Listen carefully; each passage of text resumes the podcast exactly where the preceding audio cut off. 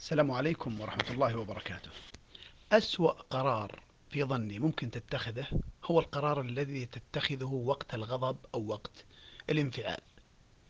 أه وقت الانفعال يغيب المشهد الكامل، تغيب الصورة الكلية، أه يغيب التفكير في العواقب، ويتخذ المرء موقفا صارما مع شدة تفاعله مع الحدث، ثم بعد ما تهدأ العاصفة ومثل بعد ما يركض الرمي على ما يقولون يبدأ الواحد يقول شلون؟ ليش؟ لماذا وش اللي خلاني أقول هالكلام أو اتخذ هالقرار؟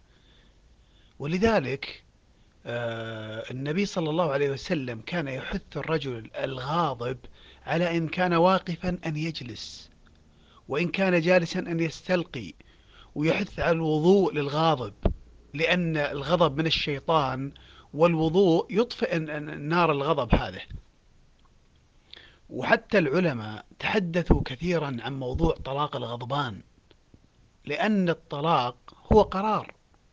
فاتخاذه في وقت الغضب وقت الانفعال آه، يعني قرار خاطئ مئة بالمئة مهما كان الوضع. قد يتعذر أحدهم يقول أصلا هي فيها وفيها. طيب ماشي إذا في هذا كله ليش ما اتخذت القرار في وقت السكون والهدوء والطمأنينة؟ عشان نثق فعلا أن قرارك حكيم.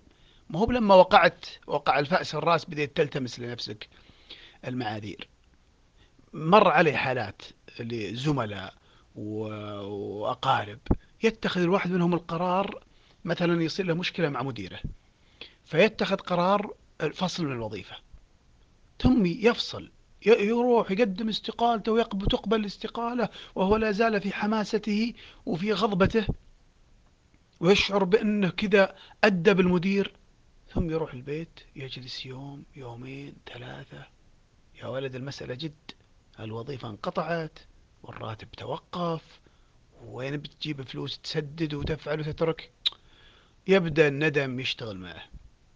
لو كنت صبرت لو قلت له لو شرحت له. طيب كنت في سعة من أمرك.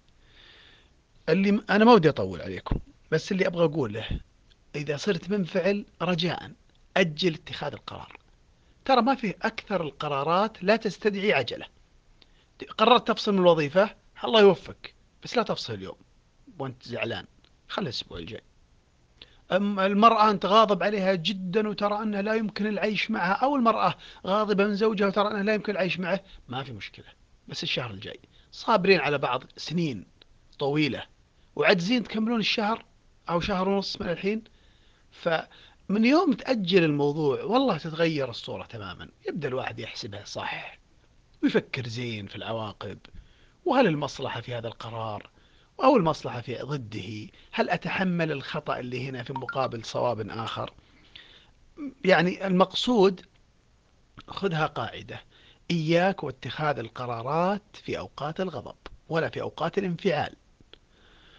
وخاصة أتكلم عن القرارات القرارات يعني القرار المصيري القرار اللي يترتب عليه حدث. لكن قرار والله إنك تشتري ولا ما تشتري ولا تقوم من المكان اللي أنت جالس فيه ولا آه يعني ترفع صوتك على الطرف الآخر هذه قضية أمرها بسيط ما أسمي قرار اسميها ردة فعل بسيطة يعني. أنا لا أناقش هذه أنا أتحدث عن قرار يترتب عليه شيء يترتب عليه تغيير الحياة يترتب عليه تغيير في المستقبل يترتب عليه أشخاص متضررين يترتب عليه ندم كبير.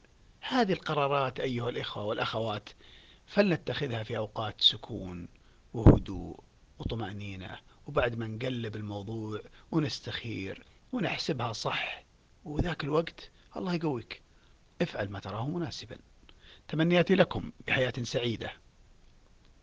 بعيدة عن الانفعالات الشديدة. بعيدة عن الغضب. بعيدة عن التصرفات غير المدروسة. والله يحفظكم ويرعاكم.